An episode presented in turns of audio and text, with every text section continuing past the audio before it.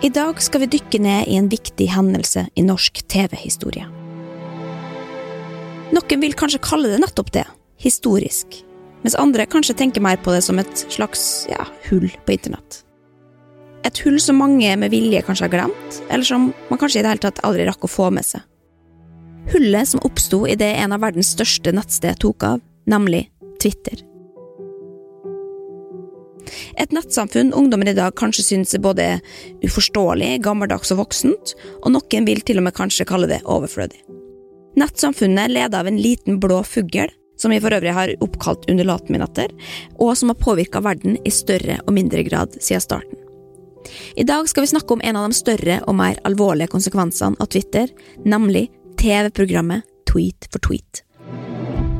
Et NRK-program ledet av en av Norges største it-jenter, med et mandat om å ta internett på alvor, og ikke minst på kornet. Men som endte opp med å bli noe ganske annet.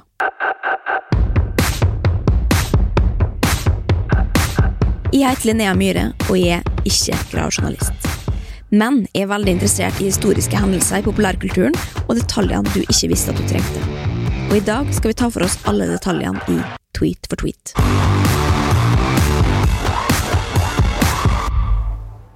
For at du skal forstå litt bedre, så må jeg ta det med tilbake til begynnelsen og inngangen av 2010-tallet. Jenny Skavlan er en av de mest aktive brukerne i den norske Twitter-feeden, i tillegg til å være en av Norges mest ettertrakta it-jenter. Fenomenet Twitter var enda litt ja, hva skal man si, uangripelig, men en som prøvde å sette ord på det, var undergrunnstwitteren og bloggeren Kong Halvor. Med et vloggkamera reiste han rundt til ulike kjente profiler fra Twitter, deriblant meg, da, men det er, ja, det er faktisk så flaut, og det orker jeg ikke snakke om. Men han snakker i alle fall om hva Twitter er, og hvordan det brukes, og lager en slags minidokumentar, YouTube-video-ish-greie av det. Og istedenfor at de skal knote med å forklare hvordan Twitter så ut i 2011, så kan de heller la 2011-versjonen av Jenny Skavlan forklare det for det. Jeg føler at uh, Facebook er fordi du gikk på barneskole med. Og Twitter er fordi du kunne ønske at du hadde gått på barneskole med, og du kunne ønske at du hadde gått på ungdomsskole med og gitt high five med Odd Magnus i gangen og, og Bjørn Eidsvåg og liksom naturfagslæreren og det, Alle kunne ønske at du hadde kjent hele livet. da. Ja, så Det er jo én måte å forklare det på, mens andre, da, f.eks. Wikipedia eller noe sånt, kanskje ville heller ha beskrevet Twitter som en ja, slags mikroblogg. Oppretta i 2006 i California, var altså formatet korte oppdateringer på maks 140 tegn. I starten mente jeg litt for å dele linker og vitser og bilder og litt sånn, da. Og tjenesten den vokser raskt, og i november 2008 anslås det å være ca. 4–5 millioner brukere. Også i Norge blir folk hekta, og det er som Jenny Skavlan sier, gjerne de kuleste guttene i klassen som er på Twitter. Selveste Chirag fra den den gang ikoniske duoen med det ikoniske navnet Carpe Diem er en av dem som blir tidlig avhengig og deler gledelig sin erfaring i samme film. Jeg skjønte ikke poenget med det i begynnelsen, men så ble jeg bare avhengig av det. Jeg sjekker det veldig sånn automatisk på iPhone. Ofte når jeg er, egentlig er i viktige samtaler med andre òg. Det er bare, bare blitt en sånn åpne tastelåsen og se, lese hva folk sier om ting. Kjendisene også, de er med andre ord tidlig på, og via retweet, FF Nords og kontinuerlig innsats for å lage den neste beste tweeten, vokser også følgerantallet. Jeg følger veldig mange som jeg har møtt og syns er kule i virkeligheten. Komiker Odd Magnus Williamson er en av dem som tidlig får mange følgere, og slår seg altså opp på blant annet ja, pedovitser og litt sånn drøye ting, da. Jeg har lagt meg på litt sånn, sånn overdreven mørk og litt sånn harry Harry? Harry bag. Og Odda har en helt spesiell måte å se Twitter-feeden på, og kommenterer altså hvordan menn og kvinner plutselig kan konkurrere på samme premisser, såkalte maskuline premisser. Jeg tror at det liksom foregår på litt maskuline premisser. Det er røff guttehumor, men det er utrolig mange morsomme Det er veldig gøy å se jenter i den settingen der. Det, det syns jeg nesten er en slags sånn form for nyfeminisme. Altså, at jentene går ut og liksom kaprer den der drøye, edgy humoren og gjør den bedre enn de aller fleste gutta. Spennende. Ja, så det da altså, Odda prøver å si, da, er jo at nyfeminismen kom med Twitter ca. 2008. Personlig så logger jeg ikke på før 16.4.2009, altså på min egen 19-årsdag, og min første tweet bærer preg av et annet nettsted som har vært en stund på radaren, men som ifølge Jenny Skavlan altså da allerede har blitt ukult. og da snakker vi selvfølgelig om Facebook. For før Facebook blei et monster som spiser all informasjon om det og selger det til høyspydene, så pleide faktisk Facebook å være et ganske koselig, lite lokalsamfunn. Og så kunne du fylle inn status om hva du til ethvert tidspunkt da altså gjorde. Og dette med en veldig sånn irriterende is bak navnet ditt. Eh, jeg kan jo ta noen eksempel da fra min egen profil anno 2009. Bare så du skjønner hva det går i. Altså, Linnea Myhre is spiser frokost. Linnea Myhre is big girl don't cry. Linnea Myhre is skjer? Spørsmålstegn. Linnea Myhre is molige mann. Og alt dette her skjer altså på én dag. Og sånn kunne man gjerne holde på da, hele dagen og hele uka, og det blir jo selvfølgelig kjedelig etter hvert.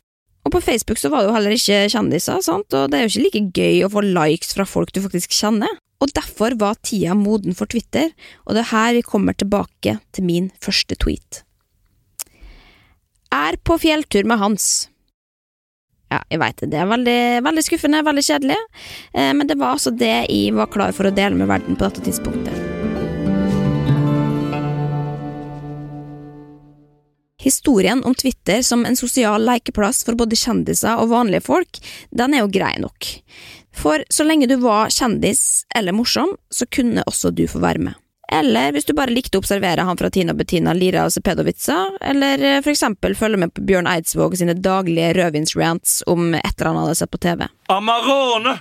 Men hva gjør du når noe egentlig funker ganske bra sånn som det er, men du er keen på å tjene litt penger? Jo, du lager TV av det. Og det var akkurat det noen bestemte seg for å gjøre. Og det var faktisk ikke bare hvem som helst heller, som for eksempel Trine Grung eller VGTV, liksom. Nei, nei, nei, dette her var ingen ringere enn NRK, som skulle ta på seg ansvaret og hjelpe Twitter et steg videre.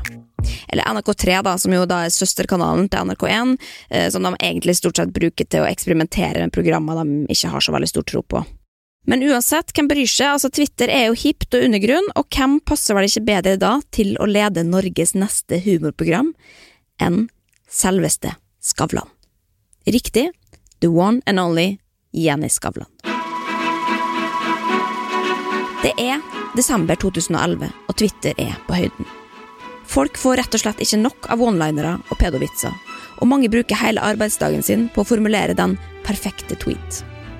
Og det er i denne perioden at nyheten om et nytt humorprogram sprekker. Programmet skal ledes av Jenny Skavlan og heter Tweet for treat, og omtales ifølge NRK som sitat, et komisk TV-program som skal oppsummere uken som har gått på internett og sosiale medier. Sitat slutt. Jenny har på dette tidspunktet allerede figurert som skuespiller i berømte filmer som Jakten på nyrestein og Død snø, og, og så har du den der Grandiosa-reklama, da. Men nå er hun også først og fremst morsom på Twitter. Nyheten om det nye programmet deles først på Twitter, visstnok da fordi idet jeg prøver å gå tilbake her for å finne akkurat disse tweetsa, så er det av en eller annen grunn ikke det lenger.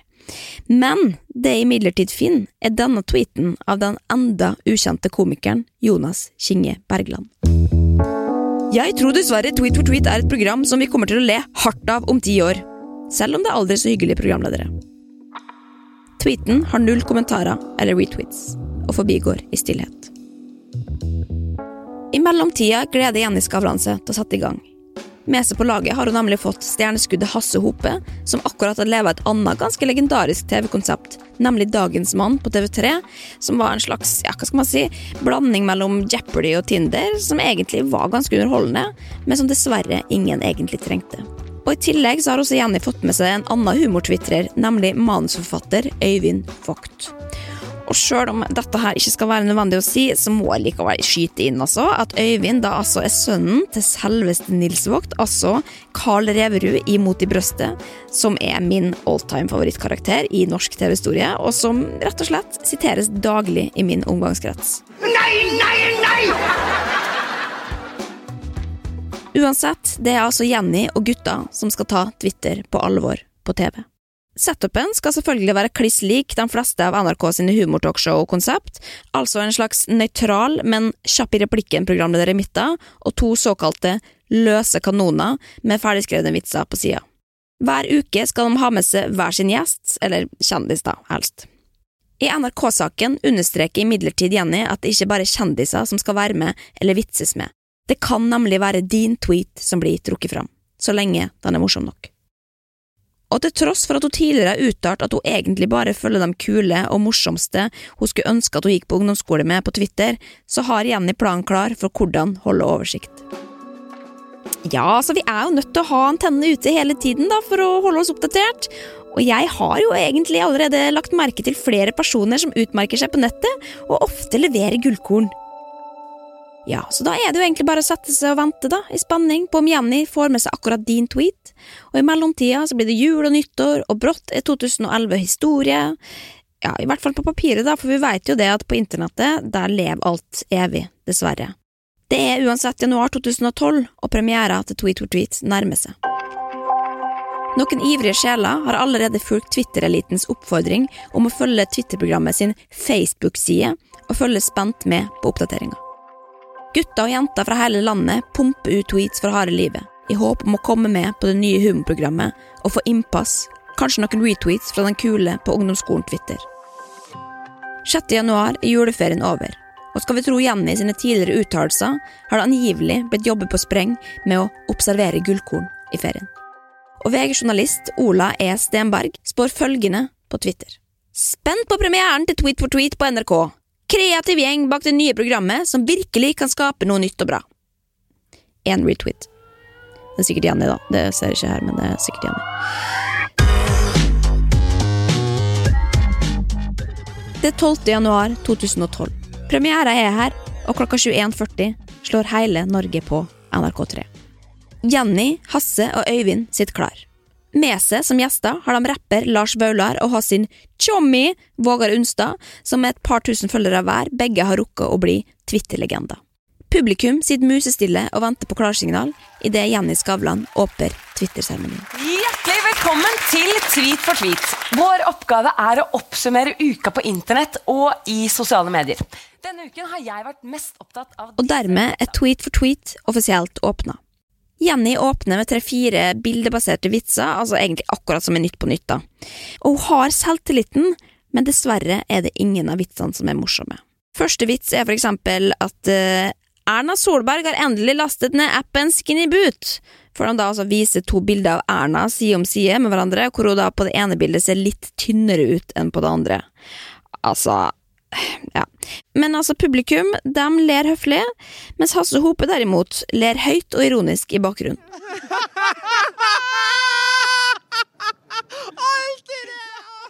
Og deretter sparker spalta Ukas oppdatering i gang, hvor gjestene har fått i oppgave å ta med seg det beste de har sett på internett den siste uka. Hasse Hope har gjort seg ekstra flid til premiera. Det har jeg. Jeg, eh, altså jeg, jeg går for å være på en måte ironikeren uh, i denne gjengen. Uh, not! um, og Derfor tenkte jeg at det var kult om jeg liksom ta med noe ironisk fra Twitter. Så da tok jeg liksom rett og slett og saumfarte Twitter i en hel uke for å finne den aller mest ironiske tweeten jeg kunne finne. Og etter, ja, til slutt så snublet jeg til slutt over en tweet fra Andreas Torkelsen, altså han spydkasteren, som skrev følgende Merker at jeg blir sykt motivert og glad når jeg ser ut på det nydelige været i dag! Hashtag ironi. Ja, altså Det, det, det som er greia da, når, når, du leser den tweeten, sant, så tenker du først Ok, ja, det, det, var vel fint vær den dagen, da. Det var vel sol og bare fugler og skyer. Men nei. Jeg, jeg, jeg gikk inn på yr.no og så så jeg på den datoen han skrev det, og det var pøsregn! Det er bare kødd! Han er ironisk! Nei! og så skrev han hashtag ironi, sånn i tilfelle folk ikke skjønte det. da ja. Det er jo at Han har jo tidenes mest ironiske yrke. Altså å Løpe rundt i tights og kaste spyd. Han burde jo virkelig skjønne det. Ja, Det er jævlig ironisk. Veldig bra, Hasse. Hashtag ikke ironisk. Ja, og Vi går videre i programmet, og i spalta Ukas hovedsak handler det om Jens Stoltenbergs nyttårstale, hvor han da også har gått hardt ut mot det han kaller digitale sladrekjerringer. Ja, og Så blir det litt eh, middels vitsing da i studio, før Hasse Hope nok en gang bryter inn. Kan jeg bare si en litt sånn det er, Nå kødder vi mye rundt, men uh, en litt sånn seriøs ting. Uh, for jeg, jeg, bodde jo, som du vet, så bodde jeg jo på Cuba uh, i, i, 2007. Hvorfor vet han det?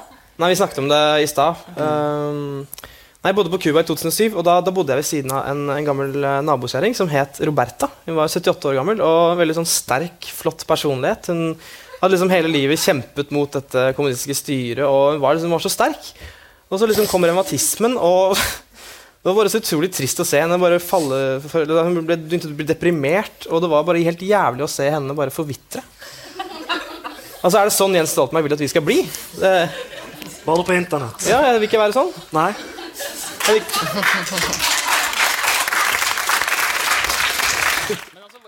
Altså, hva skal man si Altså, Jeg hadde forstått det hvis dette her var live, men ettersom dette faktisk har blitt klippa før det har blitt sendt, så er det vanskelig å si hvorfor dette har fått blitt med. Altså, Til og med Lars sitter og holder hendene foran ansiktet mens Hasse forteller, og Jenny er faen meg helt grå i ansiktet. Men de kommer seg videre, og vi skal innom spalter som Twitterstorm, ukas YouTube-video, og til slutt ukas tweetkamp. I ukas tweetkamp skal deltakerne kjempe om å skrive den morsomste teksten til et bilde, før Jenny kårer en vinner.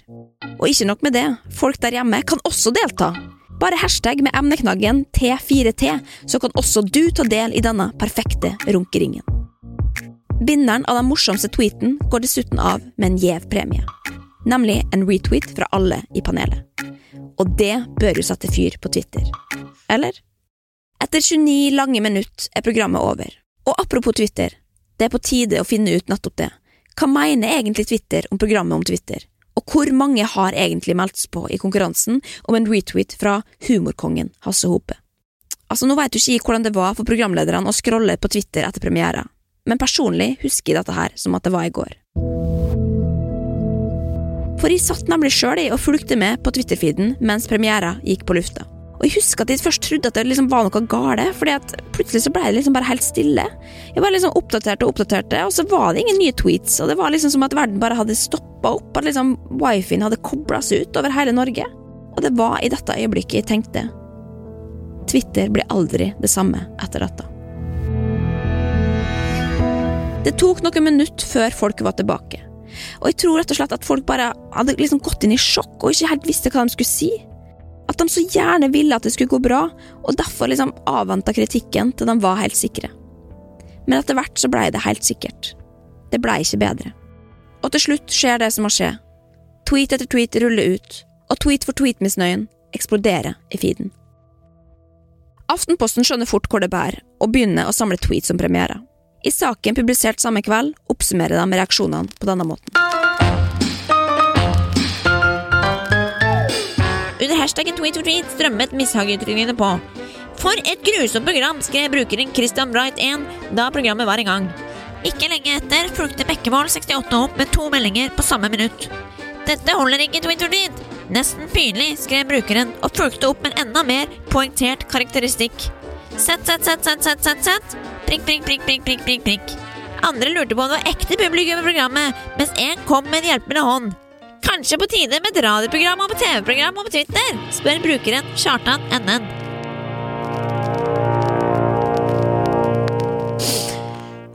Ja, og hvis vi skal tro Twitter, som vi jo må gjøre da når det handler om Twitter, så er det altså fullstendig ute. Radio HD2 oppsummerer det ganske artig på denne måten. Det ser ut til at Tweet for tweet fikk positiv mottakelse blant norske twitrere. Hashtag ironi. Men når vi ikke trodde at det kunne bli verre, så kommer den. TV-anmeldelsen. Nei, nei, nei! Med overskrifta Seig satire er VG nådeløse og triller en toer. De påpeker det faktum også at det er kanskje litt vanskelig å lage et humorprogram basert på folket, når de tre profilene som leder programmet følger under 1000 kontoer til sammen. Dagbladet på sin side de gidder ikke engang å lete etter noen form for godvilje eller lyspunkt, og de gir helt enkelt og greit terningkast én. Ferdig med det. Etter premiera er det stille fra de ellers så aktive Twitter-kjendisene. Det kan jo være fordi det er premierefest og feiring, men omsider stikker Hasse innom for å gi et livstegn. Vi feirer premieren! Gleder oss til å lese tilbakemeldingene på Twitter! Ja, Det var ikke noe hashtag ironi her, da, men hvis jeg kjenner Hasse rett, så er det jo sikkert noe ironi i dette der, det vet jeg ikke. Men én ting er de dårlige tilbakemeldingene i seg sjøl, for enda verre er det nemlig at Twitter allerede har mista interessen, nettopp fordi andre episode av Game of Thrones sendes like etterpå. Og slik er Tweet for tweet allerede yesterday's news. Problemet er bare at Tweet for tweet liksom skal gå én gang i uka, og det i åtte uker. Og det er jo klart at det kan bli hardt, både for Twitter og også for alle involverte i programmet. Premieredagen er uansett overstått, og slakten er et faktum. Det hviskes og tiskes på Twitter, og i Nattavisen gnir de seg i hendene over at Jenny endelig har mislykkes. De ringer for en kommentar, men Jenny avslår. På Twitter virker det imidlertid som hun har tatt på seg selvironihatten og skriver følgende. Det verste i dag er sulten. Tør ikke gå i NRK-kantina. Hashtag dagen derpå. Og her er det altså, det må jeg bare kommentere, det er så mange skrivefeil her, og æ, verste med æ, og særskriving i NRK-kantina, altså går det an? Eh, ja, ok, det skal ikke henge meg opp i det. Det er mandag og ny uke, og det betyr det samme som det alltid gjør i TV-Norge. Tallene for uka som gikk, presenteres for folket. Resultatet er nedslående. Kun 80 000 samler seg foran idiotboksen til premiera, som egentlig ikke er så dårlig for å være NRK3, men VG de bryr seg ikke og er tidlig på ballen for å spørre NRK hva de syns om de ræva seertallene, og om de ikke er demotiverte nå. Tweet for tweet sin prosjektleder Erik Sandberg Ingstad svarer ærlig. Selvsagt er det ikke morsomt å få dårlige kritikker. Prikk, prikk, prikk. Men det holder jo selvfølgelig ikke bare å si det. Altså, jeg mener Det må være innafor å dra en liten analogi her til et annet NRK-program, og Erik, han fortsatte. Det samme skjedde jo da Nytt på Nytt gikk på lufta for første gang. Det vil alltid ta litt tid for folk venner seg til oss. Ja, for det hører jo selvfølgelig til historien her da, at Nytt på Nytt i sin tid fikk terningkast én første gang de gikk på lufta, og derfor er det viktig å gjenta akkurat denne historien i alle sammenhenger der program får slakt, fordi slakt automatisk omgjøres til suksess i framtida, sant? Forstår du det riktig da? At dersom man liksom bare holder på lenge nok med noe, så folk liksom forstår den dårlige humoren, så blir det uansett morsomt til slutt, eller?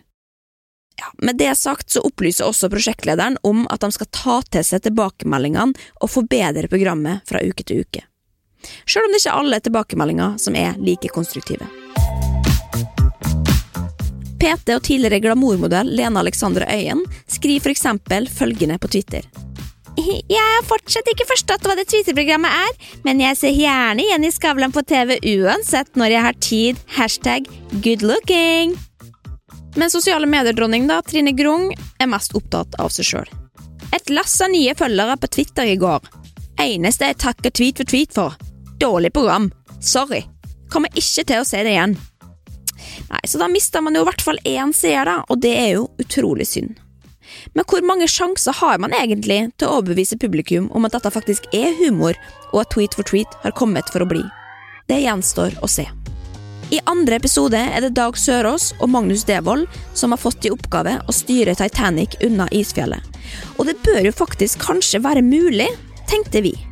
Men før de i det hele tatt får sjansen, går Jenny rett til Hasse, som sparker i gang sendinga slik. Hasse, har du hatt en fin internettuke? Uh, jeg må være helt ærlig. Uh, nei. Nei. nei. Det har vært en ganske dritt uh, internettuke. Eh, altså, det har vært den kanskje verste internettuken siden 90-tallet, da jeg ikke hadde internett. uh, men altså, man, man, blir- jo sterkere av eh, all kritikk og alt, uh, alt hat, selvfølgelig. Men det, altså, det var jo mange lyspunkter, eller i hvert fall det var ett lyspunkt for meg på mandag da TV3 ringte meg. Fordi de ville gjerne ha en ny programleder i Fangene på fortet. Eh, eller de ville ha sånn sidekick til programlederen. Altså En av de to dvergene skulle bli byttet ut med meg. Nei! Yes. Hvem er det som skal slutte? Eh, Passepartout han han skal ut i pappaperm. Men Hasse, det er en glede å ha deg her. Takk. Og slik braset Titanic inn i isfjellet helt fra start. Og slik fortsatte det. Til tross for at programlederne har tatt en helomvending og nå følger halve Norge på Twitter, så er det ikke så mye som har forandra seg heller siden sist uke. Bortsett fra at Hasse har fått sin egen spalte, Hasses hjørne, hvor han da blant annet svarer på seerspørsmål om hvilke smilefjes man skal bruke i sjekkesammenheng. Og innen programmet er over, så rekker Titanic både å knekke og synke, og det er vanskelig å forstå hvordan dette nok en gang kan bli til noe som helst. Det viser seg dessuten at du ikke har så veldig mange forsøk på å overbevise verden om at du er verdt deres 30 minutter av livet. Allerede uka etter melder VG om seeras for Tweet for tweet. De 80 000 har blitt til 65, og TV-ekspert Morten Wiberg omtaler programmet som citat, et nisjeprogram med B-kjendiser som fåtallet orker å følge med på. Citat slutt. Uansett som går nå dagene, og det er duka for nye episoder av Tweet for tweet. I tredje episode har gjengen besøk av han som mente at nyfeminismen oppsto på Twitter, nemlig Odd Magnus Williamson og mannen bak Twitter-filmen Kong Halvor. Jenny er på plass, og nytt for uka er en litt mer folkelig appell i form av tweets fra vanlige folk. Hjertelig velkommen til Tweet for tweet, programmet som oppsummerer uka på internett, og som ifølge Twitter-brukeren iPadmannen er helt ok. Ja, ja. Episoden går som passe, men seertallet fortsatte å synke. Bare 53 000 får nå med seg tredje episode, og nå begynner det å bli ubehagelig. Folk misbruker hashtaggen for å latterliggjøre konseptet, og noen omtaler det å se programmet som en form for selvskading. Det får imidlertid selvutnevnt Twitter-pedo Odd Magnus til å reagere. Han tar en pause fra retweets og nyfeminisme på Twitter, og setter seg rett og slett ned for å skrive kronikk. Med overskrifta 'Hurra for hatet' setter torsdag kveld fra Nydalen-Odda ord på det urettferdige hatet mot Tweet for tweet, mot Jante-Norge og Midt på treet-kjendiser. Mange mener at uh, hatkulturen på internett er kjip. Jeg er ikke enig i det hele tatt. Jeg er der hvor jeg er i dag på grunn av det hatet. Torsdag kveld fra Nydalen er blitt det det er blitt på grunn av hat og janteloven. Tweet og tweet også. Som min venn Espen Dansken Selvig sier, janteloven gjør at vi terningkast tre-folka kan komme oss opp til toppen fordi de flinke folka ikke tør. Ja da, dette er jo litt Det er jo mye gode sitat her, da, men Odda sier mye klokt, han altså, og kommentaren går altså hovedsakelig ut på at dersom vi fortsetter å være så slemme på internett, så skremmer vi bort alle som er gode og potensielt kan lage bra ting. Fordi dem som er gode visstnok da altså ikke tåler kritikken, og derfor får vi som fortjent, altså folk som tåler kritikk, men som lager terningkast tre-ting. Og det er jo for så vidt sant, dette her, men altså tweet for tweet, det er jo terningkast én og to, Odd Magnus, og det er det jo strengt tatt ingen som fortjener. Ja ja, Odd Magnus prøvde i hvert fall, og the show must go on. Allerede i episode fire er Hasses hjørne avlyst. Heldigvis inviteres programmets første kvinnelige gjest, nemlig P3-programleder Aisha Afif, og seertallet løfter seg faktisk til 69 000. Men så, uka etterpå, så er vi nede på 54 000 igjen, da, med Leo Ajkic og Maria Kinge som gjester, og idet man ikke trodde det kunne bli verre, så kommer sjokket. Program nummer seks med Thomas Seltzer og Elisabeth Skarsbø Moen har bare 33 000 seere og har nådd sitt totale bunnpunkt. Twitter kan offisielt erklære tweet for tweet for dødt.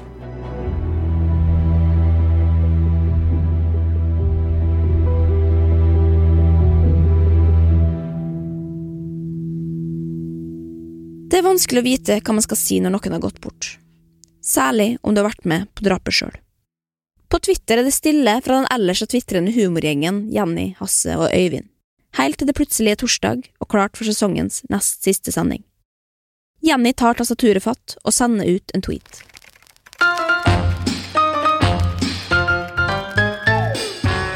Ekstra, ekstra! Tweet for tweet er flyttet sendetid fra 21.40 til 22.30! I kveld blir det som vanlig tits fra Sigrid Bonde Tusvik og krøll fra Sandeep. Ja Man kan si mye om hva som er den perfekte tweet, men dette er ganske nært, spør du meg. Nyheten om at TV-programmet ditt er så lite populært at det faktisk flyttes til folk har lagt seg, kamuflert som en teaser om kveldens gjester og sprell. Magisk. Men det blir uansett tids fra Sigrid og krøll fra Sandeep, og seertallet stabiliserer seg på gode 33 000.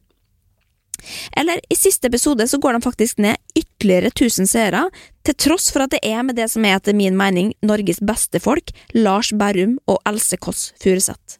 Det hadde vært spennende å vite om Lars og Else takka ja samme uke, eller om de hadde lova å bli med allerede før premiera gikk på lufta, og så valgte de seg liksom ut siste sending så de kunne gå ut med et pang. Jeg tipper nok på det siste, altså.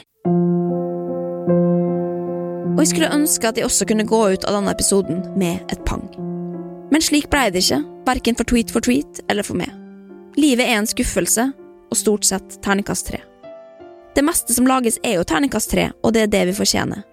Og derfor blei det ingen lykkelig slutt for Tweet for tweet, og de fikk ingen ny sesong. De rakk aldri bevise at de var akkurat som Nytt på Nytt og kunne bli den neste store, bare de fikk ti sesonger å vokse på. Men jeg skjønner jo at dere lurer på hvor det blei av de tre gode vennene i Tweet for tweet. Det gjør i hvert fall jeg. Jeg lurer eksempel på om de fortsatt møtes ukentlig for å gå gjennom ukas beste statusoppdateringer og YouTube-klipp, Og ikke minst, har Jenny fortsatt antennene ute etter akkurat min tweet? Nei da, livet går videre. Jenny har eksempel i seinere tid da, fått uh, ulike roller, eksempel i braksuksessen Nesten voksen, og nå lever hun et veldig miljøvennlig og jeg vil si ganske vellykka liv både på og utafor internett. Det har imidlertid ikke kommet noen tweets fra kontoen hans siden 2017, som er noe promogreier for noe shoppestopp og greier. Øyvind Vogt har heller ikke tvitra siden 2016, med unntak av én tweet fra 2018 hvor det står nummer to, uten at jeg forstår hva det betyr, da. Men han jobber visst fortsatt i NRK da, som manusforfatter og greier, så jeg tenker jo at han ikke kan ha fått altfor varige men av dette eksperimentet. Ja, og så var det Hasse, da. Hasse er fortsatt på Twitter og retweeter stadig vitser fra andre komikervenner. Innimellom så kommer han også med en vits eller to sjøl, som for eksempel denne her. Trump burde skifte navn til Ostepop oransje hår president. Altså, den har fått sju retweets og 37 likes, uten at jeg skjønner verken vitsen eller hvordan noen andre kan skjønne den, men det tenker jeg jo at må bety at det fortsatt finnes en slags undergrunnsverden på Twitter, og at Hasse fortsatt er den samme rare og søte fyren. Men der de andre deltakerne har vært stille etter tweet for tweet-fadesen, har Hasse i etterkant stilt opp et intervju og snakka ut om den tunge tida. Eller i etterkant og etterkant, det var faktisk i 2013, men allerede da syntes han altså at det var så vanskelig å se tilbake på, og til Se og Hør så sa han da altså følgende. Jeg trodde helt ærlig at jeg var ferdig i TV-bransjen etter Tweet for tweet. Jeg har sett på det i ettertid også, og jeg blir flau når jeg ser det. Humoren min passa ikke inn der, jeg var rett og slett ikke morsom. Og selvinnsikt til tross tok Hasse feil i én ting. For det er faktisk mulig å gjenoppstå etter en fadese, og heldigvis for oss, og for Hasse sjøl, så er han en av terningkast tre-folkene som tåler kritikken og gir faen. Og sånt blir det jo arbeidsoppdrag av, sant? Hasse har jo hatt suksess han med så mangt, både som programleder i Karl Johan og i mange forskjellige podkaster. En litt rar rolle i Unge lovende, og ikke minst en opptreden i NRK-programmet Beat for beat. Og for å oppsummere her i denne episoden her, altså, så vil jeg avslutte med noe helt spesielt nemlig lyden av Hasse Hope, som endelig har lyktes.